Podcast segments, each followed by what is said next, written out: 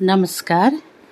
आज मलाई अनायासै एउटा किताब पढ्दा पढ्दै यो नुनको चिया भन्ने पुस्तक पढ्दै जाँदा उहाँ लेखक विमल लामाज्यूलाई झसङ्ग याद आयो अनि उहाँको यस पुस्तकलाई अनुवाद गरेका छन् बङ्गलाबाट नेपाली अनुवाद समीर चक्रवर्तीले। यी दुईजनाका लेख अनुवाद मलाई साह्रै मन पर्यो अनि मलाई विमल लामाज्यूको परिचय दिन मन लाग्यो। उहाँले आफ्नो पुस्तकमा के भनेका छन् भने नुनको चियामा नुनको चिया मेरा लागि केवल एउटा उपन्यास मात्र होइन एउटा बेपत्ता भइ भइसकेको समग्र जीवनलाई पुनः दोहोऱ्याइएको एक भोगाई हो यो।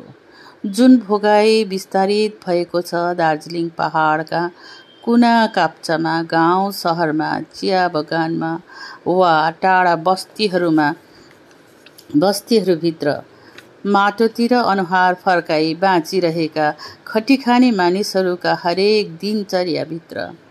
पुस्तादेखि पुस्तासम्म केवल घाँस र बाँसको फन्को भित्र र नभुल्लमा परेको एउटा जातिको जातिले बाँच्नु परेको दिशाहीन जीवनभित्र। फेरि तिनीहरूले नै अचानक जमिनबाट आफ्नो अनुहार उठाएर हेर्छन् आकाशतिर। घामको आँखामा आँखा जुधाउँछन् बेजोड स्पर्धातिर।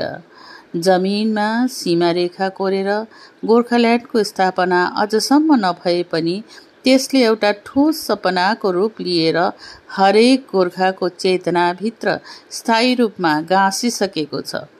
सन् छ्यासी सतासीको पहाडभरिको उथुलपुथुलले गोर्खाहरूका अन्तर्लोकलाई यसरी व्यवस्थित गरिदिएको छ। के अब यस्ता कुनै पनि गोर्खा जन्मँदैन जसको चेतनाभित्र यो सपना जीवित नबसेको हो। नुनको चिया गोर्खा चेतनाका यसरी पुनर्व्यवस्थित हुनुको कथा हो। साँच्चै यो कथा हाम्रो कथा हो पढिसकेर मलाई साँच्चै नै रोचक लागेको छ। अनि हजुरहरू पनि पढ्नुहोला यो निकै लामो पनि छ र यो बङ्गलाबाट नेपालीमा अनुवाद भएको हो। अनि अचम्मको कुरो चाहिँ के छ भन्दाखेरि बङ्गलामा लेख्ने लेखक चाहिँ हुनुहुन्छ विमल लामाजी अनि अनुवादक हुनुहुन्छ बङ्गाली चक्रवर्ती महाशय समीक। त विमल लामाको जन्म चार जुलाई उन्नाइस सौ अडसठ दार्जिलिङ नजिक सिङताम चिया बगानमा भएको थियो। आमा चिया बगान मजदुर र बाबा पुलिसकर्मी थिए उनका।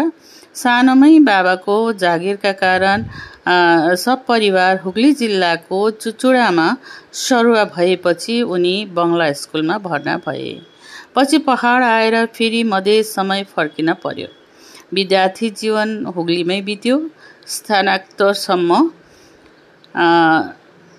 हाल पुरुलियाको झाल्दामा सरकारी अधिकारी हुन्। सानैदेखि लेख्ने रुचि थियो।